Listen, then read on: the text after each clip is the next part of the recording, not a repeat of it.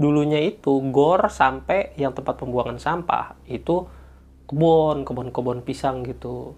Nah di jalur depan gor depan kantor gua tuh gang itu nama gang itu itu dulu gang itu udah lama. Terus banyak sarang penyamun. Sarang penyamun dalam Rampok. artian- Oke. rampoknya itu rampok-rampok sadis. Makanya zaman 70-an 80-an sering jadi pembunuhan mayatnya di situ di gor gua tempat itu Oh pantas. kalau kata orang tempat pembuangan mayat tapi bukan di gornya di tempat sampahnya tuh Iya dan sampingnya. itu bersampingan gitu. sampingan masih satu wilayah kantor Iya, gua iya, juga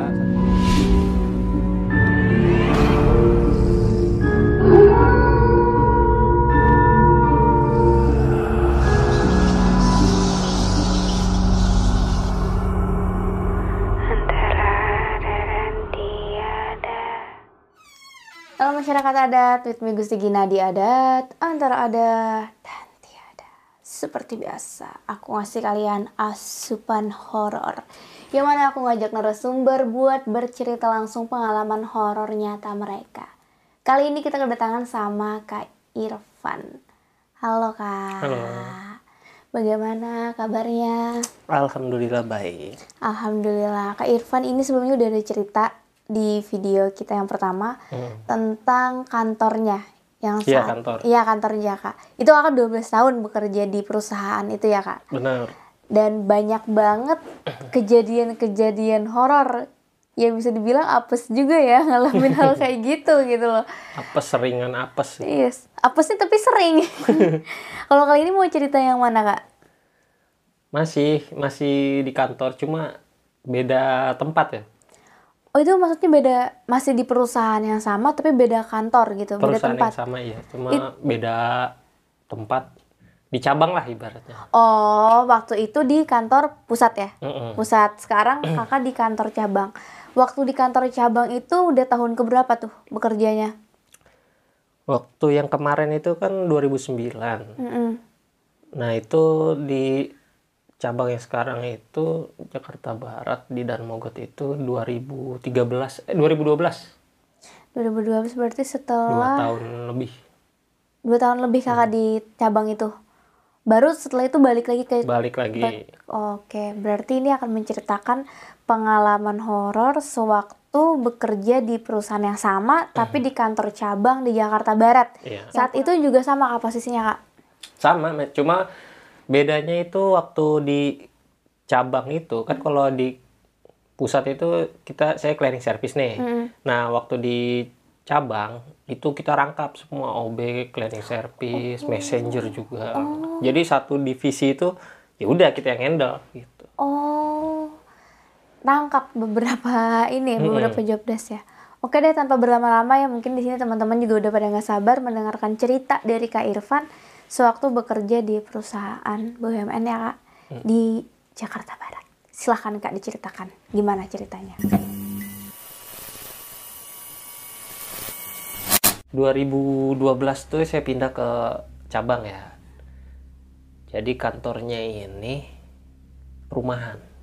Perumahan itu dia perumahan, perumahan khusus perusahaan itu dia ngambil enam rumah paling depan. Jadi enam rumah paling depan itu disatuin tuh dijebol-jebol, dijadiin kantor. 6 apa 8 gitu, saya lupa. Di sebelah sananya juga di sampingnya itu ada gor tuh.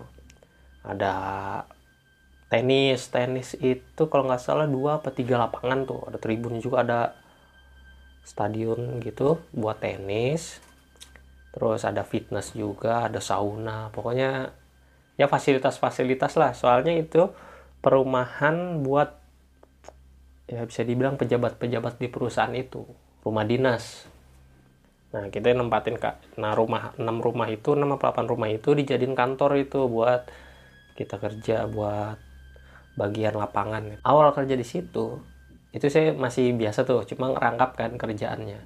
Cuma udah berapa dua bulan tiga bulan deh.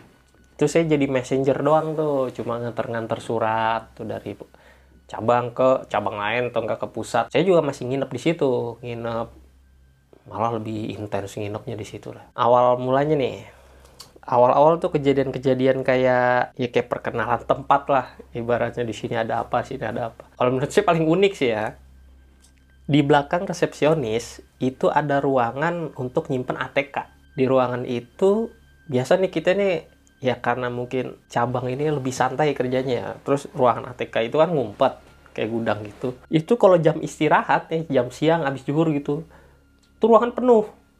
Buat kita pada ngumpet pada rebutan buat tidur di situ. Yang unik dari tempat itu ya katanya kalau tidur di situ itu mimpinya mimpi enak mulu. Mimpi enak dalam artian kayak gimana nih? Ya dalam artian gitulah. Mimpi-mimpi ada yang sampai mimpi basah di situ. Oh my god. Di belakang resepsionis itu. Makanya tempat itu tuh saya juga awalnya nggak tahu kan namanya nggak tahu kan. Kalau jam istirahat nih kok pantry sepi ya? Soalnya karena di situ pantry-nya tuh nggak kayak tempat waktu saya di pusat kan. Waktu di pusat tuh pantry-nya tiap lantai beda terus ada pantry luar pantry dalam. Kalau di situ tuh karena kecil jadi sekitar 12 orang itu ngumpul di satu pantry. Gede pantry gede ada kompor segala macam. Itu ada telepon situ. Jadi kalau kita standby itu orang langsung nelpon ke situ nggak nyamperin. Ada gitar gendang segala macam. Lengkap deh itu pantry. Pantry paling enak. Tapi yang saya nggak nggak tuh awal-awal masuk situ ya sehari dua hari itu kok setiap jam istirahat malah sepi gitu. Ternyata ya itu pada rebutan tidur di belakang resepsionis itu. Sampai situ nggak nggak tuh. Terus kata anak-anak lama lah oh, kalau tidur situ enak deh mimpinya enak-enak mulu gitu. Tapi pas saya coba nggak biasa aja gitu. awal itu itu bisa dibilang itu di kantor saya itu, itu tempat mitos di situ tuh terkenal gitu tempat di ruang ATK di belakang resepsionis. Di resepsionis itu berbanding terbalik sama di belakangnya kalau di resepsionis itu malah kalau malam jadi tempat horor di meja resepsionis itu. Soalnya sering-sering kejadian. Jadi kalau kita masuk dari luar nih dari parkiran resepsionisnya tuh agak jauh gitu ya agak di dalam. Kita ngelewatin dua eh tiga ruang rapat nih. Dua di kanan satu di kiri.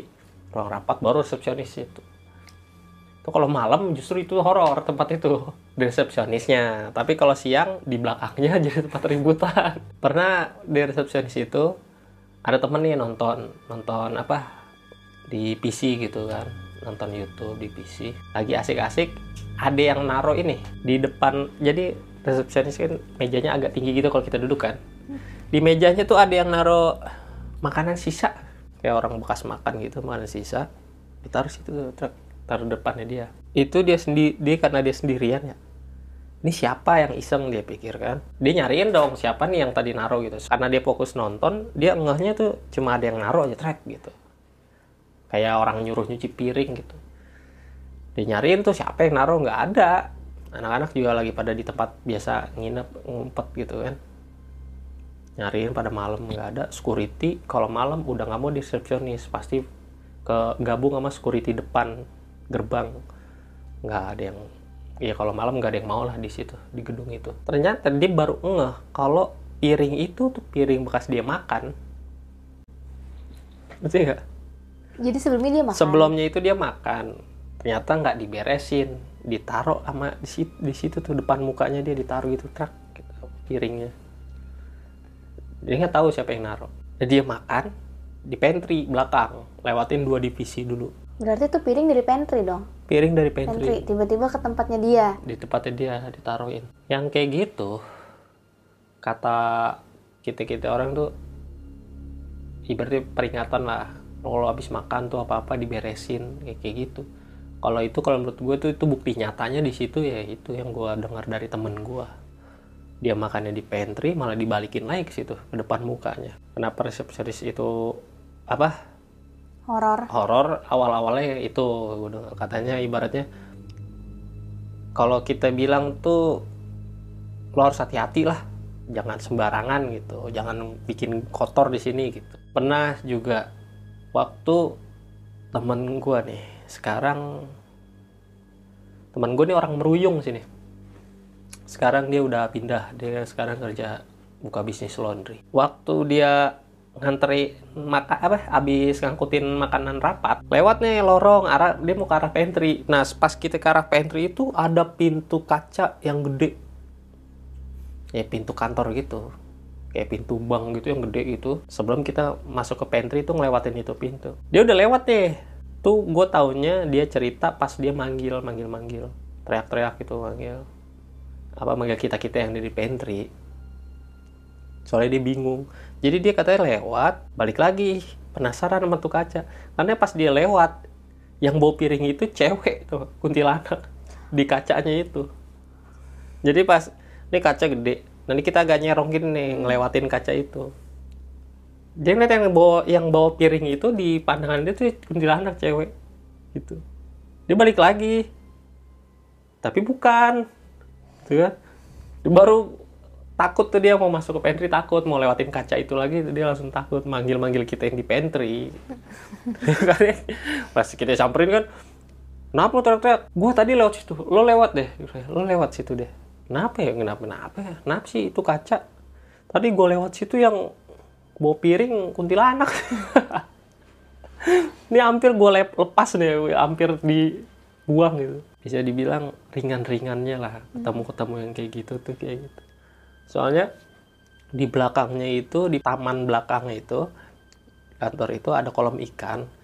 Terus ada tangga yang muter gitu tangga sama pohon blimbing blimbing buah tapi kecil.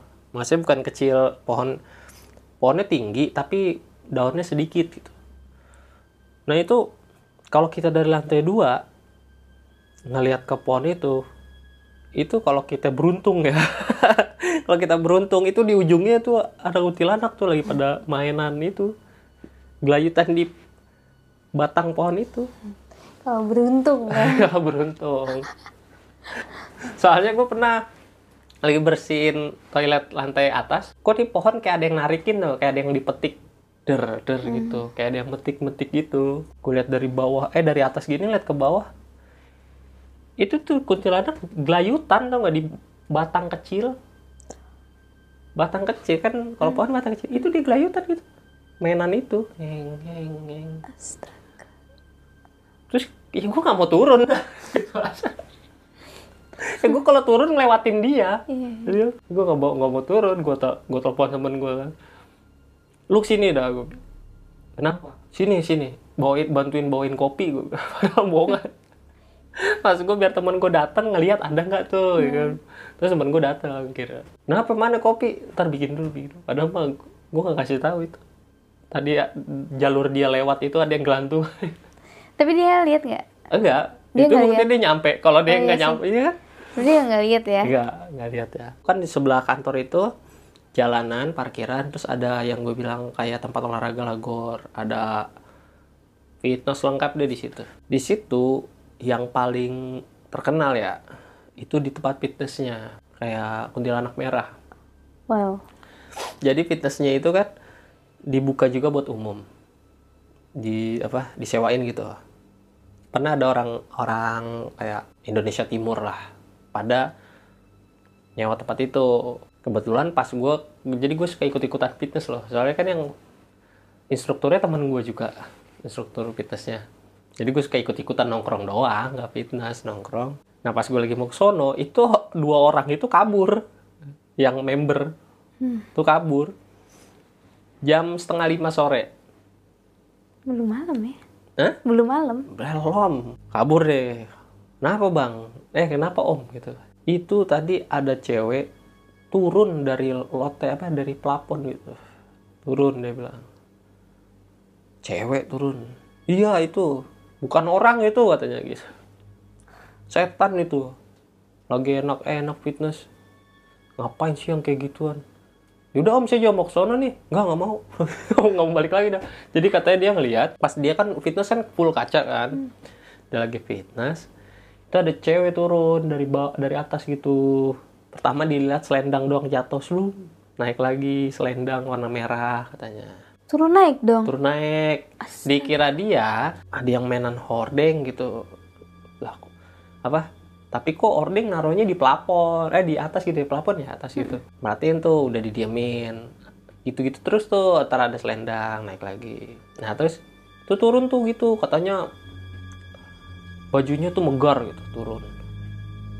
Kata penglihatan dia megar turun masuk ke ruang aerobik nah itu langsung tuh dia kabur katanya kabur baru tuh ketemu gue di situ. Kalau gue pernah di fitness itu waktu gue iseng sendirian. Teman gue lagi nggak ada nih. Teman gue kan orang kuningan ya. Dia lagi pulang kampung. Aku iseng nggak fitness ya kan. padahal mah buron doang pengen nyantai doang kan.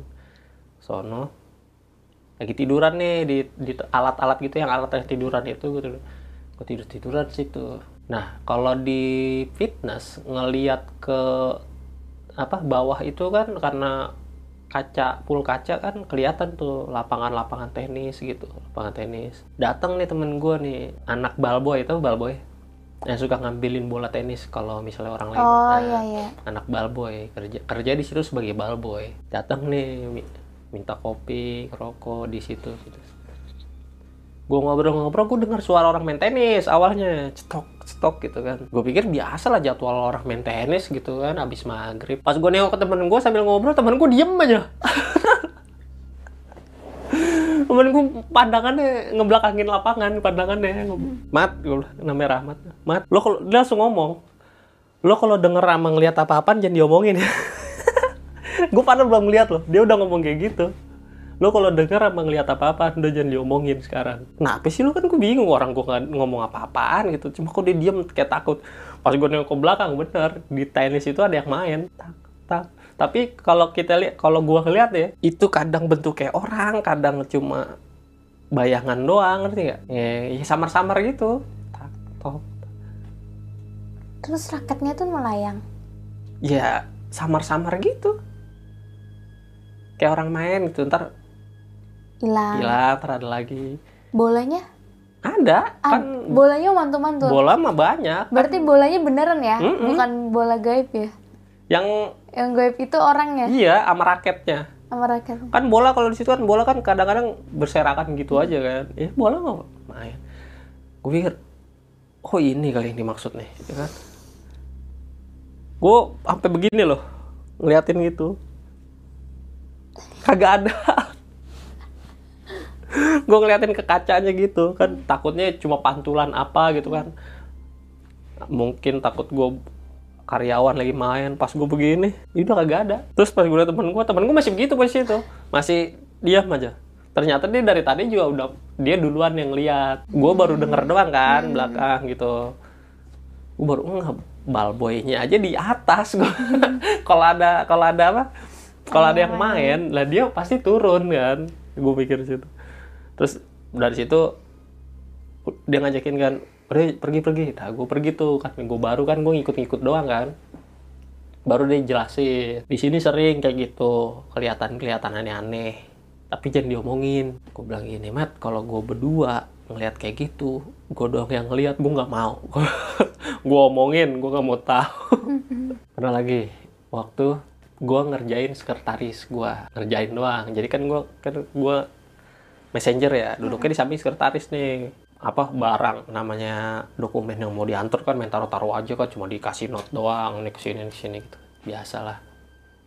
Nah gue udah jam 5 sore itu masih ada nih. Gue lihat notnya kok hari ini notnya gue bilang nih bu wah nih hari ini nih bayaran gue gimana? Nggak ada bayaran lebih gue bilang gitu. Gue tuh gue coret aja jadi besok gue bilang gitu nggak udah hari ini dan ntar gue beliin rokok. Malas pun nulisnya udah sore udah gelap nih. Nggak iseng apa di sini? Tuh lihat tuh ke lorong. Jadi kan samping sekretaris tuh langsung lorong. Gitu kan lorong ke belakang itu sekitar 20 meter tuh panjang. Karena tiga rumah dijebol kan lorong gitu. Uh sini deh. Tadi gue iseng loh gue niatnya iseng ya. Hmm. Di tengah lorong itu ada pertigaan. Nah, di pertigaan itu depan ini tangga. Mentoknya itu kulkas. Bu, sini, Bu. Kenapa? Lihat deh, lorong. Padahal gue kagak ada apa-apaan gue lihat iseng. Tadi gue lihat ada yang lewat. Emang bener lo, sini makanya lihat berdua. Gue bilang gitu. Maksud gue tuh gue ngedekin biar buru-buru deh pulang yuk gitu kan. Gimana? Tuh lihat. Tadi gue lagi ngeliatin ke arah kulkas. Gue bilang sini berdua oh lu jangan ninggalin gue enggak enggak gue tinggalin di sini kita berdua lihat gue lihat tuh berdua gue pengen ketawa tuh tadinya gue katanya benar ada yang lewat Astagfirullah. yang lewat apa? jadi gini ini kalau lorong lurus nih yang gue bilang panjang ujungnya eh, apa Kulkas. kulkas. Nah, Ini ada pertigaan. Nah, ini pertigaan ini lorong juga cuma dikit terus keluar langsung keluar. Itu jalur evakuasi. Nah dari ruang jalur evakuasi itu ada tangga gitu. Jadi kalau kita nengok dari lurusan lorong tangganya kelihatan tuh sedikit tangga muter gitu. Itu yang lewat dari jalur evakuasi ke atas itu. Itu cewek lewat. Jalur evakuasi dibuka kan kalau ada gempa. itu ngapain dia dari arah sono? gua lo tuh kan beneran gua langsung tahu gitu. Iseng yang jadi beneran mah itu. Tadi gue liat gue gue mau nyuruh pulang, nyari nyuruh pulang secara halus gitu kan. Beneran loh. Lo set gue langsung kayak nahan apa gitu, gregetan gitu kan. Soalnya dia pelan banget, kayak slow banget. Nggak jalan, nggak. Bentukannya gimana? Itu kuntilanak. Oh, jadi bentuknya emang pakai dress putih, rambut panjang gitu. Tinggi, bukan tinggi orang, bukan tinggi penampakan ya, bukan. Terbangnya tinggi, segini nih, segini dah sekitar segini. Oh. Jadi nggak di bawah lumayan. dia, ah tinggi sih. Terus Naik ke ta- jadi kalau kalau posisi gua ngelihat deh, jadi sekretaris gua kan agak ke sini. Nah kalau gua kan agak ke tembok. Gua ngelihat sampai dia naik ke tangga. Soalnya tangga kan sedikit kelihatan ya. Set gitu naik ke tangga. Udah ketutupan tangga. terus sekretaris gimana? Udah gerbuk-gerbuk pulang. Takut juga dia. Ah, gua langsung ke gor. Tempat temen gue pada ngumpul. Langsung mikir ya ini gue didatengin gak di malam ini soalnya sering lu suka dibangunin gitu bangunin. Kata kata anak-anak sih tapi gue alhamdulillah nggak pernah ngerasain. Kata teman-teman gue gitu suka ada yang ngebangunin gitu. Kaki. Gitu. orang muka ya Ah. ini kaki. Kaki di diinjek kayak kaki. Seginian nggak ada Astaga. iseng Berarti sering ada yang nginep dong di kantor itu? gue pada nginep gue sering pergi Oh, emang pada nginep. Ada emang ada ruangan tidurnya kah atau gimana? Enggak di depan dekat resepsionis. Tapi itu kalau udah bener-bener mau tidur ya. Jadi kalau misalnya ya di bawah jam 11 lah. Itu kayak gua nih nongkrongnya di jalan raya Samat. Di sono tuh ada tukang ini loh. Tukang jagain bendungan, pintu air. Oh, deket bendungan. Enggak bukan bendungan buat kali. Jadi pintu air buat banjir, mesin air. Mm. Jadi kalau kan posisi kali yang gede tuh yang dan Mogot kalau rumah warga kan di bawah. Jadi kalau air, ada hujan dikit, air ini kan nggak bisa naik, nggak bisa naik ke kali kan, kali lebih tinggi itu pakai mesin pompa. Nah, mesin pompa itu dijaga sama orang-orangnya, mau dari dari pemerintah gitu. Nah itu gue kalau belum mau tidur, kalau biasanya gue sama dia tuh di situ di base camp dia di mesin pompa itu. Soalnya mesin pompa itu lantai dua kan, bawahnya mesin, atasnya tempat dia nginep. Gue di situ, ntar udah mengantuk baru udah ke, ke- apa Resepsionis. eh, ke resepsionis. Security makan nasi padang di resepsionis, di meja resepsionis. Makan nasi padang di mana? Sampai inget gue nasi padang itu. Di resepsionis sambil nonton YouTube. Itu jam 8-an tuh, habis Isya lah. Belum belum jam 8. Itu keluar-keluar lari mulutnya penuh tangannya gini. Tangan nasi semua habis makan nasi padang. Lari gue gue lagi di security yang pintu gerbang lari mulutnya ngedumel kasih minum dulu kenapa lagi makan enak-enak ditemenin sama yang gak ada palanya katanya. Kepala buntuk. jadi di resepsionis bangkunya dua Kom PC-nya satu coba bangkunya dua dia lagi ngeliat di sebelahnya ada yang duduk juga cuma gak ada palanya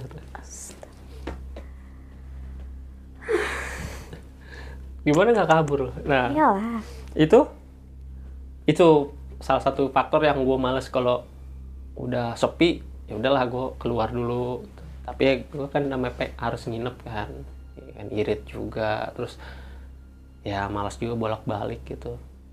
Makanya kalau tidur ya baru ke apa depan ruang rapat itu pada gelaran kasur yang gede banget tuh baru di situ. Yang bangunin pun bos. Kepala bisa dibilang kepala cabang di situ.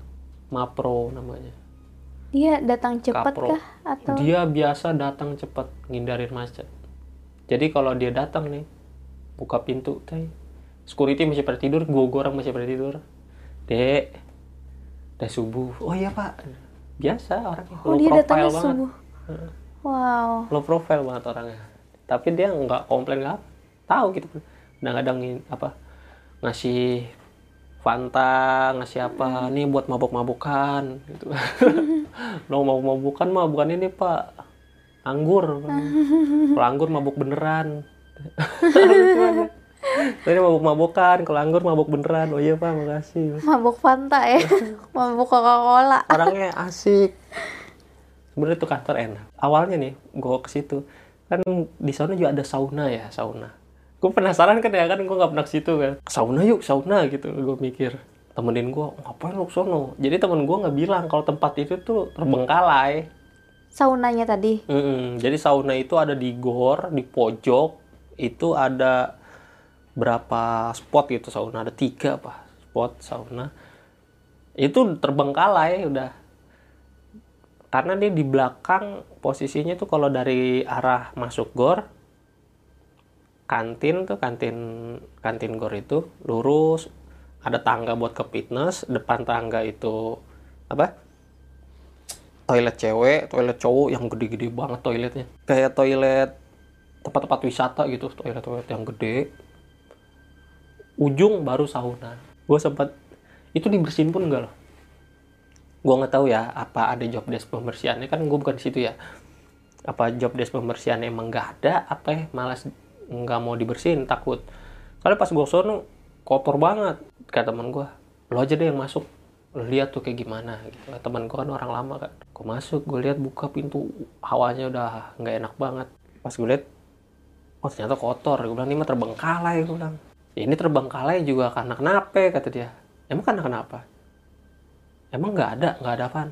Biasanya kalau ngeliat sini suka ngeliat penampakan lo kata teman gue gitu. Enggak nggak ada apa-apaan.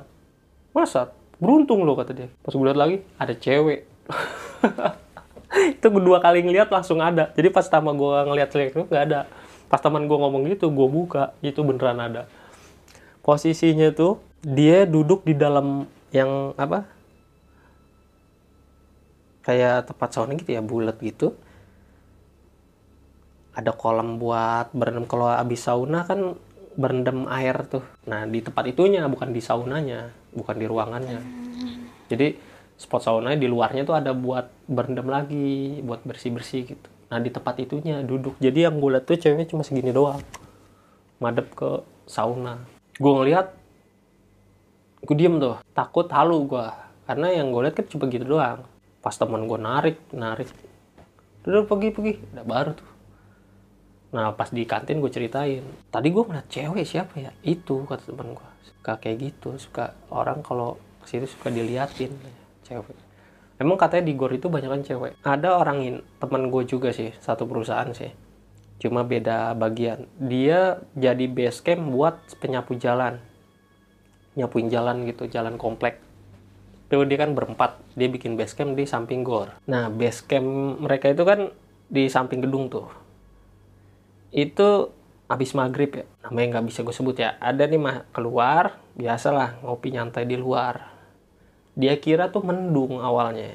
Dia cerita ke gua awalnya di- dikira mendung. Pas dia mau masuk lagi bawa bawain kayak sepatu bot gitu pas mau masuk lagi itu dia nggak taunya kayak mau ditiban jadi yang ngalangin dia gelap-gelap itu nggak taunya gondoruo gede banget segede pohon.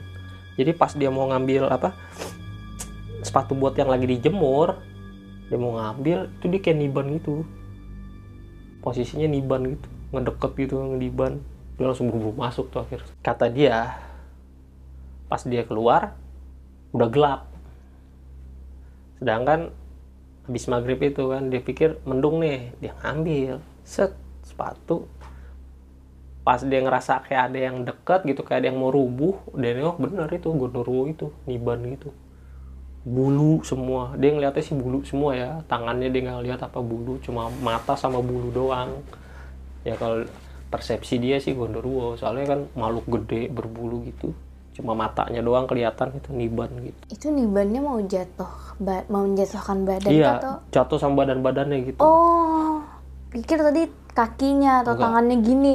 Berarti kayak kayak gini nah dong. ya gitu Astaga. makanya dia bilang kayak rubuh katanya kayak pohon rubuh soalnya gedenya sepohon di gor itu ada lapangan squash buat ada dua lapangan tuh. Malah ada tribunnya juga.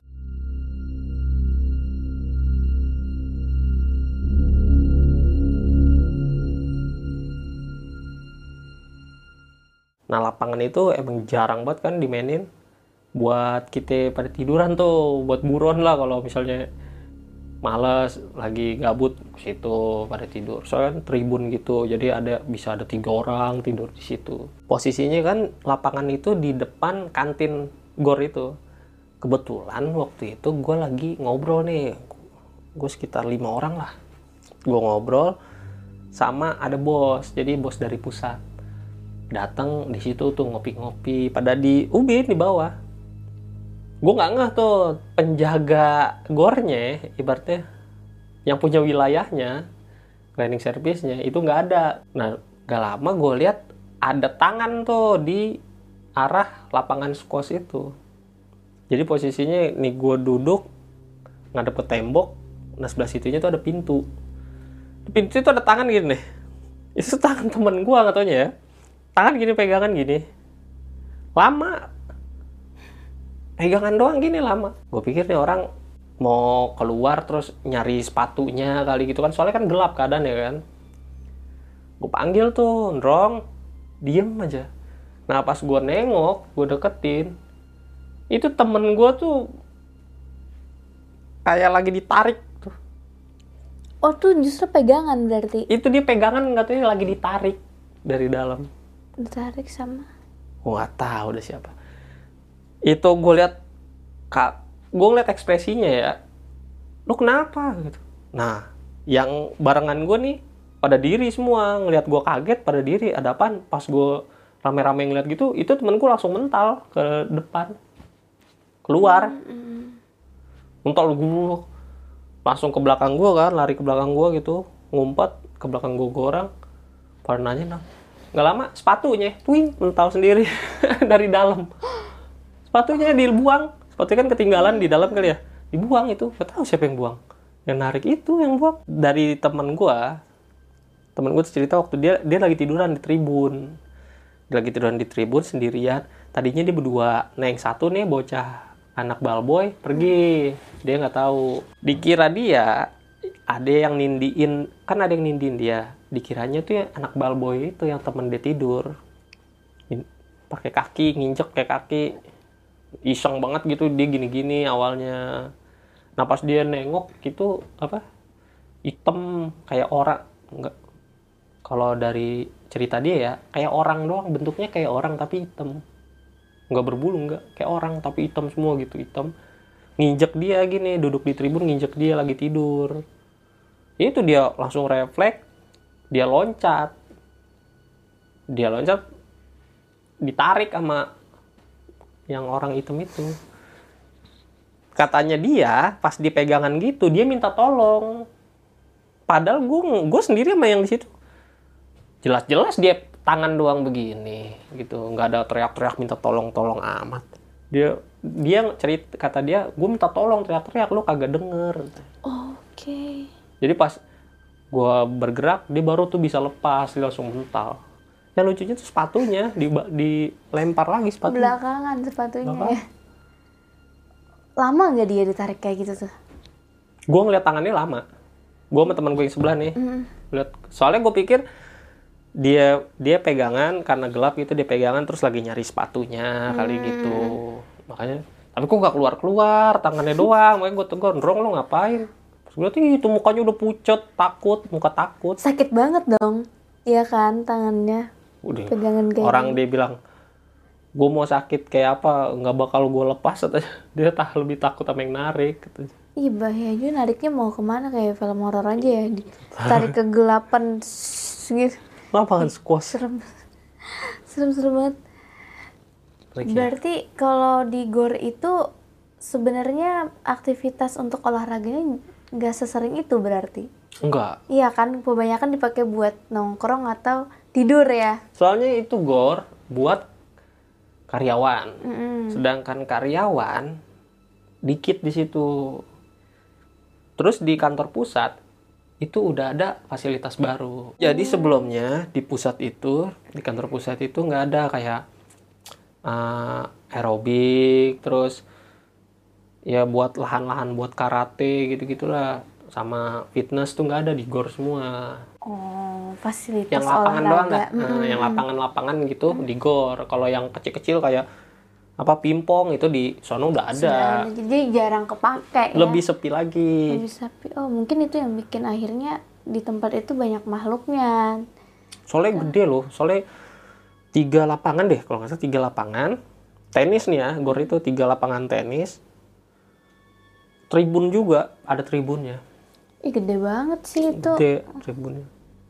Oh, nah berarti kalau dari cerita kakak yang di kantor cabang ini, yang serem itu adalah di resepsionis, habis itu sama di gor. Gor Dari sama di itu yang apa? Pohon blimbing. Oh ya pohon belimbing karena ada kuntilanak. Terus ada cerita tadi kan ah, si satpam lagi makan nasi padang, ngelihat yang nemenin dia itu kepala buntung gitu. Berarti cuma badannya doang kan. Hmm. Itu kan ngeri ya, maksudnya hantunya. Ada cerita nggak sih di sekitar kantor sejarahnya atau rumornya atau apa gitu? gue pernah nanyain ya kenapa di ini serem banget gitu lebih serem dari kalau menurut gue sih lebih serem dari kantor pusat Hmm. soalnya lebih jahil kalau menurut gue pribadi ya nah ada nih warga situ yang jadi tukang pompa itu tukang pompa air kalau ngobrol sama dia tuh ngobrol. Kata dia dia kan orang lama ya di situ. Dulunya itu tempat gor yang bukan gornya malah.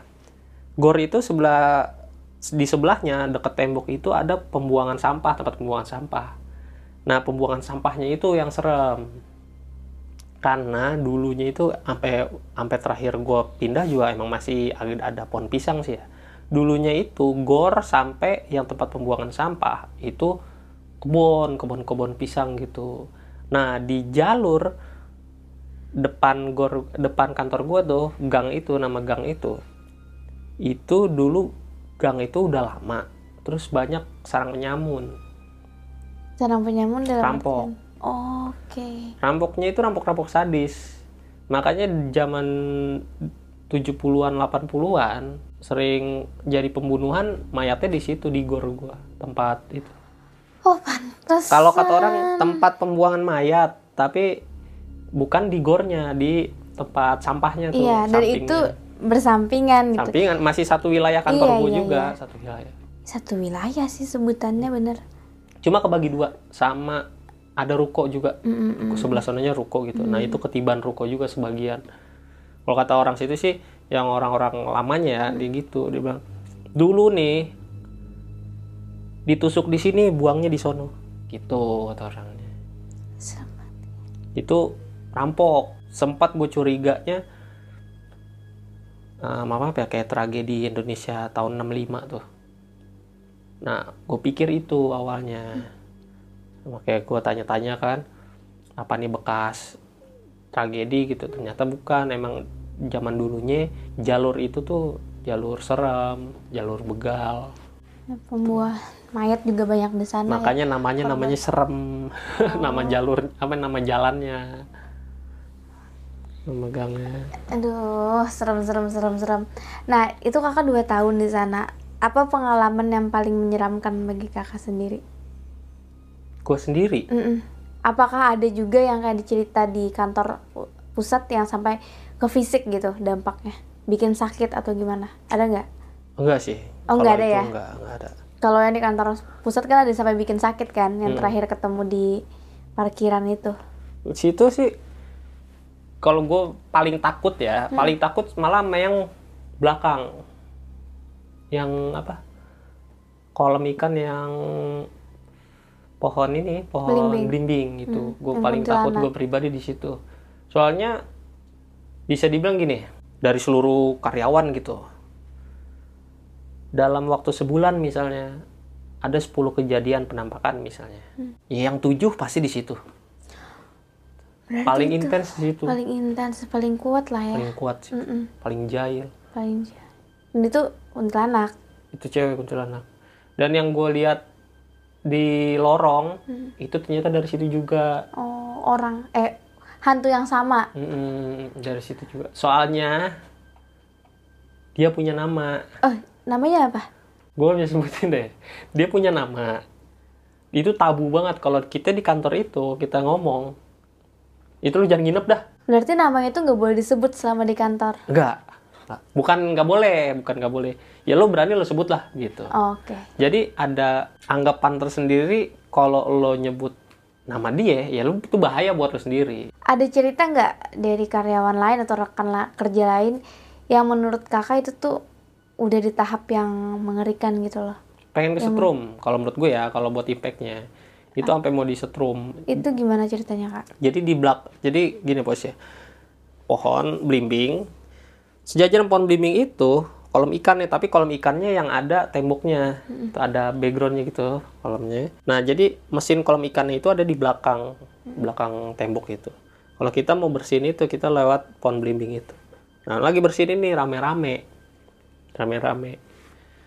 Apa sekitar tiga orang deh bersihin rame-rame kan ketok-ketok siang-siang ketawa-ketawa temen nih paling bangor lah situ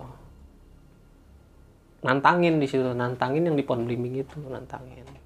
Ini nih yang serem nih ini. Ini mah segini sama tangan gua gedean tangan gua katanya.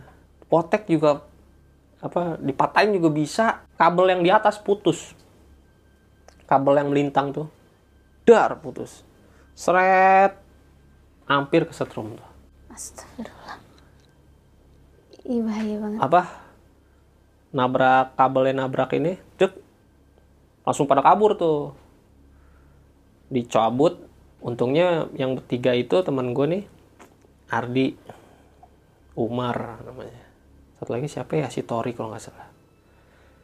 Pakai bot. Untungnya pakai bot. Jadi pas putus nyeret gue denger suara-suara "Woi, pada rusuh gitu. Gue nengok. Nggak taunya pada itu. Kabel putus kabel putus. Langsung temen gue yang nantang-nantang itu di ini ya sama temen yang lain. Lu sih nantang-nantang. Ya gue nggak tahu ya itu faktor kebetulan apa Ya. emang dia yang jahil gitu sampai kabel diputusin nyetrumin gitu. Soalnya karyawan ada karyawan gue lupa namanya ya. Orangnya gemuk gitu gempal. Dia ngomong gue nggak berani lewat tangga yang muter itu. Maksudnya gue bukan yang nggak berani lewat tangga ini. Gue cuma nggak muat kata dia ngomongnya di pas di bawah tangga itu ya sama temennya ada satu ngomong ke temennya gitu. Bukannya gue nggak berani ngapain kok malah enakan tangga ini deket. Emang sih kan tangga muter gitu deket kan tapi orang banyak kan lewat tangga-tangga dalam gedung. Ini karena gue nggak muat aja tangga ini kalau muat juga gue lewatnya sini kata dia. Itu pas dia ngomong ngelihat ke tangga gitu temannya yang satu udah kabur katanya katanya. Katanya nih ya yang satu udah kabur yang tinggi. Dia ngomong cuma sendiri. Karena di atas di atas apa di atas kolam kolam terus tembok itu yang air terjun air terjun gitu di atasnya. Kan sampingnya pohon belimbing. Itu ada pocong tiduran. Pas dia lagi ngomong gitu. Makanya yang tinggi ini temannya yang satu kabur duluan. Jadi pas katanya sih pas dia ngomong ngadep ke atas sambil ngomong di versi yang kabur ini ya dia udah ngeliat tuh langsung langsung pergi.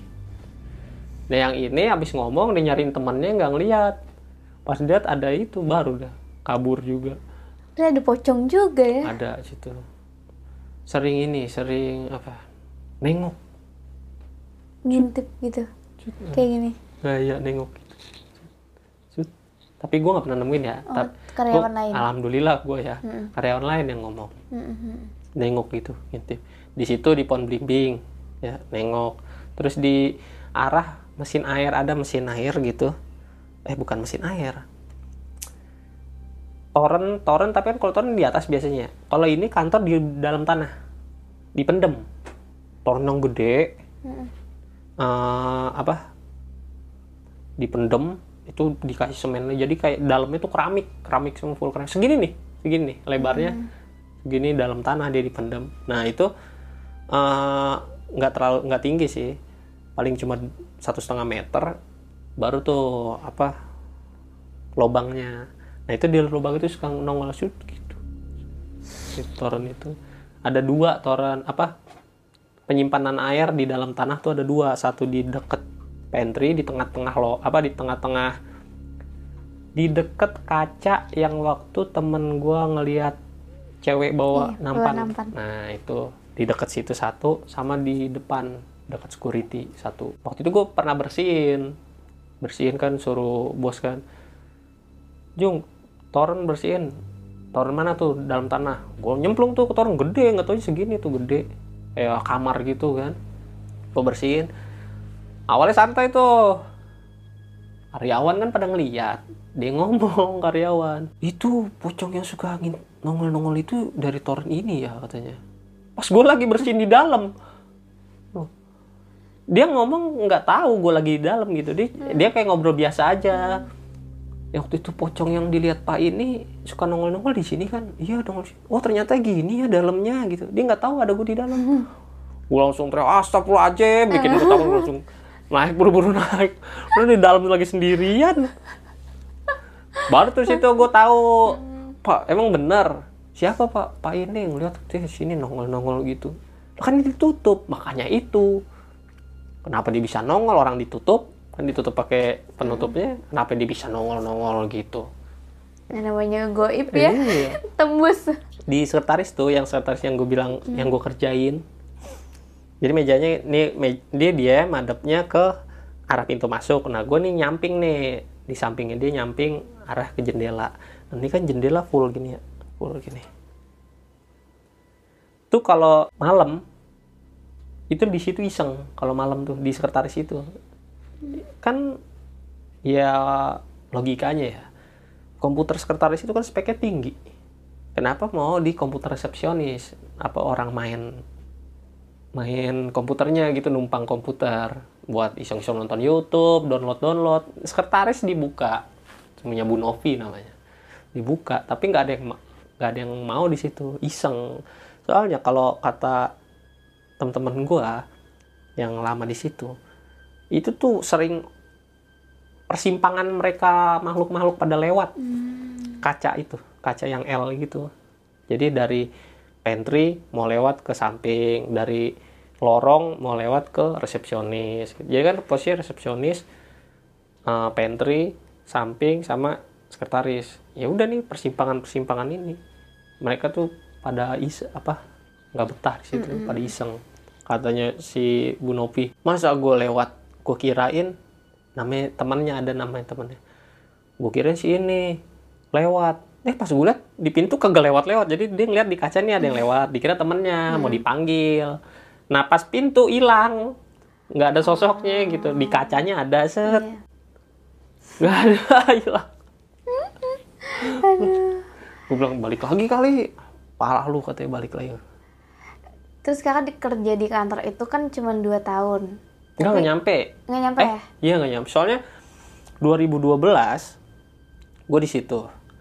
Nah pas 2013 nya kalau nggak salah 2013 yang banjir gede Jakarta tuh kalau nggak salah tuh. Itu kerendam. Kerendam itu di lobi gue aja segini di lobi. Oh my god. di di lobi tuh itu gue tiga hari di sana nggak bisa pulang. Tiga hari di kantor itu udah gelap dah. Terjebak di situ ya? terjebak gue di situ. Motor kerendam semua udah. Tapi ditanggung sama kantor semua mobil semua ngambang mobil. Gue di situ dua malam. Sebenarnya tiga malam sih cuma gue maksa pulang aja gue udah males. Itu berapa orang ya? Karyawan karyawan sama gue yang OB OB cleaning itu 11 saya karyawan yang terjebak situ. Dievakuasi pakai perahu dua malam itu nggak ada lampu. Eh satu malam satu malam pertama nggak ada lampu awalnya. Gelap. Sambil teknisi di ber- dibenerin bisa. Cuma buat berapa barang doang kayak ngecas handphone TV harus on. TV 24 jam nonstop buat berita kan waktu itu kan beritanya nggak kayak, kayak sekarang ya beritanya. Iya. berita zaman dulu. Nah ber- harus berita sama buat ngecas handphone. Nggak boleh buka komputer karena nggak sanggup listriknya. Kan udah diputus semua listrik. Itu pakai genset apa? Pakai itu malam. Kalau buat uji nyali kalau kuat eh orang baru turun tangga. Kan jadi kalau kita di lantai dua semua tangga yang deket lorong itu kan akses satu-satunya ya. Ya kalau lo berani ya tangga yang muter itu Iya. ya kan? Tangga situ. Temen gue nih udah pakai pelampung ngajakin gitu. Eh Jung apa? Uji nyali uji nyali gitu kan. Dulu kan zaman zaman film itu juga kan. Ini pelampung udah pakai pelampung nih turun. Set turun. Kan pas tangga aja kan udah kerendam kita kan udah mulai kerendam. Nah pas sampai bawah kan udah segini kan. Nih gue nih belum belum nyemplung nih air baru dia doang. Udah langsung naik lagi gitu. Katanya dari arah kulkas ada yang berenang. Serius? Hantunya berenang. ada air Oh, gitu air gelebek-gelebek-gelebek. Oh, oh, dia bilang ada yang berenang itu kabur langsung. Eh, gue bilang, "Ya bener lu, gak percaya nih gua. Enggak, enggak, enggak." langsung buka-buka ini, buka langsung aja. Tapi untung kalau setan ya takutnya ular nggak sih? Uh, Ular kalau gede. Iya kan ular ular gede. iya sih. Kan banjir kan? Atau Iya. binatang apa gitu. Ih menakutkan. Tapi sama-sama seremin sih. Terus setelah banjir itu akhirnya kantornya tidak Balik lagi gua ke, ke pusat. Oh, balik lagi ke pusat. Tapi- ke sono. kantornya tetap beroperasi. Enggak, semua langsung sono. Oh, Jadi udah dikosongin itu. selamanya. Sekarang bar, yang gue denger ya, yang tau dari teman-teman gue yang masih di sono itu lagi dibikin kantor baru. Hmm, berarti lama dong. Lama, Kosongnya? Kosong lama. Oh, kosongnya itu jadi anak perusahaan katanya waktu itu pas kosong nggak lama dirubah jadi rumah lagi rumah apa? Rumah. Dinas lagi terus mau diambil lagi sama anak perusahaan tapi nggak jadi. Terus itu katanya mau dirombak mau total mau dibangun. Kantor lagi. kalau gornya masih gornya mah begitu gitu aja gornya. Nah itu gue habis banjir ya gue balik lagi ke Ke pusat. pusat balik Nah, itu kan kakak udah ninggalin pu- kantor pusat tuh sekitar hampir 2 tahun. Pas balik ke pusat apakah masih berhantu kah kantornya seperti di video pertama atau udah nggak ada gangguan lagi? Kalau berhantu, kalau kata orang bawaan lahir dia tuh kantor. Kantor. Emang udah ber- udah berhantu. Gimana Jadi juga tetap aja ada ya. banyak di kantor itu. Gue nggak bisa bilang kantor itu horor ya. Maksudnya angker. Nggak. Enggak. mm-mm. Mungkin karena kantor itu udah lama, bangunan lama dari zaman Belanda kan. Gue lihat foto-fotonya ada, foto-foto lamanya gitu. Dan mungkin juga karena areanya tuh luas, jadi nggak nggak ibaratnya dari yang namanya kantor area luas gitu, kayak pabrik-pabrik gitulah. Jadi kan nggak semua kejangkau tiap hari kan. Terus udah gitu, gue juga lama di situ, ngerasain malamnya di situ, makanya ya bisa jadi mungkin buat sebagian orang ya wajar kalau ngelihat sesuatu gaib-gaib kayak gitu sih Ada di mana-mana, Mas. Di mana-mana ya, makhluk mana-mana Terus boleh diceritain nggak kalau di kantor pusat lagi ada cerita lagi nggak yang menarik buat dibagikan? banyak ya kalau yang Yang paling kayak menarik lah buat dibagiin di sini gitu. yang ini deh yang banyak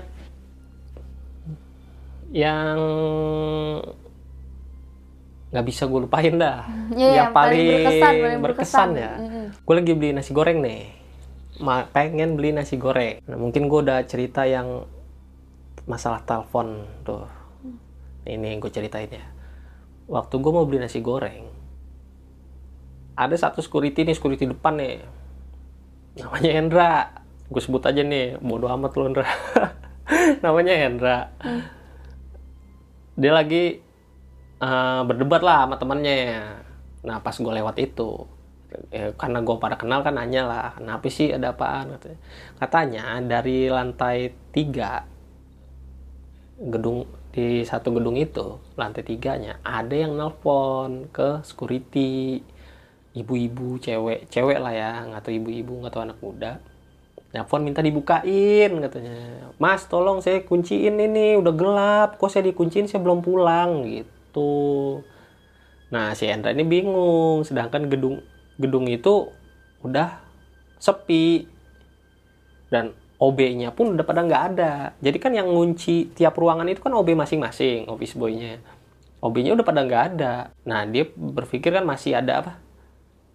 ada miss lah berarti ada karyawan yang kekunci kan dikumpulin nih teman-temannya semua kumpulin di situ nah ini ada gue nih kan lagi ngeliat nelfon lagi pas lagi rame itu. Diangkat nih loudspeaker track diangkat. Sama kata-katanya cuma yang anehnya itu ditanya ibu di ruangan mana?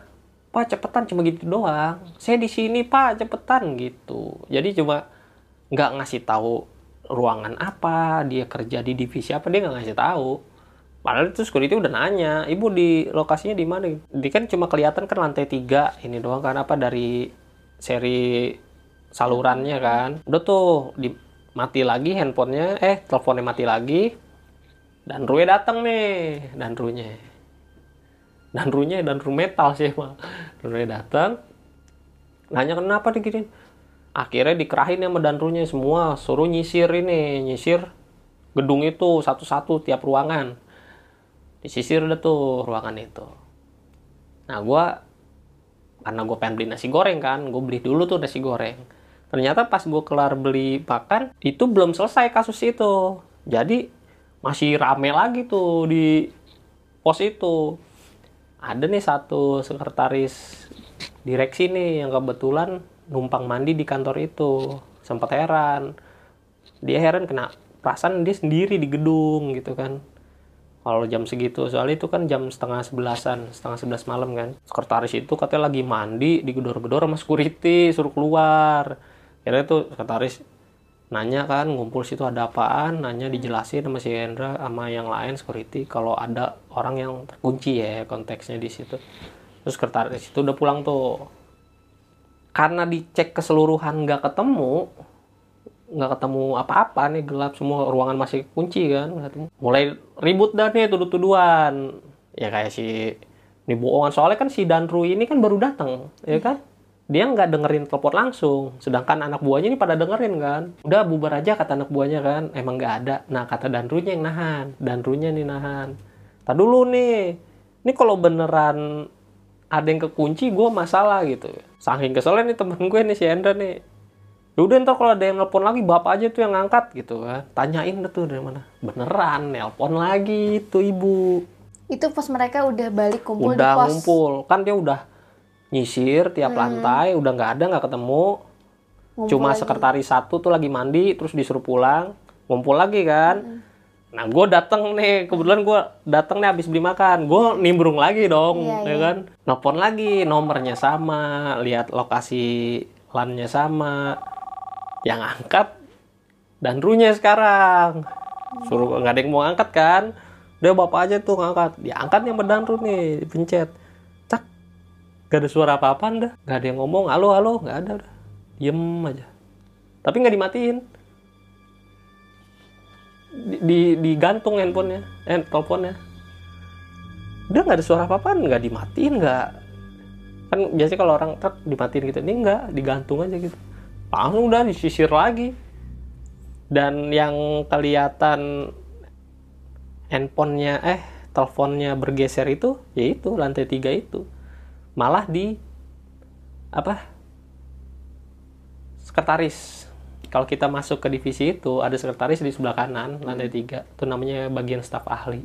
Nah itu telepon itu yang yang menelpon yang eh, yang gantung. Jadi cuma gini dong nih oh nggak ditutup. Nah jadi sama dia tuh atasnya doang yang ngaco gini. Iya. bawahnya tetap di tempat atasnya doang. Bagian atasnya doang yang ngegantung gitu. Terus satu regu kena semua. Seibaratnya ng- ngalamin bareng Iya ngalamin bareng. Sampai besoknya ya tetap nggak ada orang gitu Ya, ya, nggak ada. tetap nggak ada. Kan di, dicek juga. Saking udah bingungnya ya udahlah biarin aja besok tinggal besok ada yang komplain apa enggak gitu. Ternyata nggak ada komplain ya? Nggak ada nggak ada komplain. Berarti yang nelpon itu iseng banget sih. Dia iseng banget. Niat. Oke deh, itu tadi cerita dari Kak Irfan. Waktu masih bekerja juga di perusahaan yang sama, tapi di kantor cabang. Dan ada sedikit bonus cerita di akhir. Itu cerita pas balik lagi ke kantor pusat. Dan uniknya situ yang ngalamin tuh rata-rata kalau di kantornya Kak Irfan tuh bareng-bareng gitu. Kalau jarang ada yang ngalamin tuh pas sendiri, pasti ada kayak ada temennya. Kalau ada temen tuh kan ya udah pastilah itu setan. temen Oke deh, gimana ceritanya teman-teman? Part mana yang menurut kamu paling seru? Silahkan tulis di kolom komentar. Atau kamu juga punya cerita horor saat di kantor atau tempat kamu bekerja. Aku sama Kak Irfan pamit undur diri. Bye! Hai guys, thank you udah menonton video ini sampai habis. Jangan lupa untuk di subscribe, nyalakan loncengnya, like, comment, dan share. Bantu aku untuk membangun channel ini sebagai channel nomor satu penjelasan mengenai mitologi, horor, dan misteri.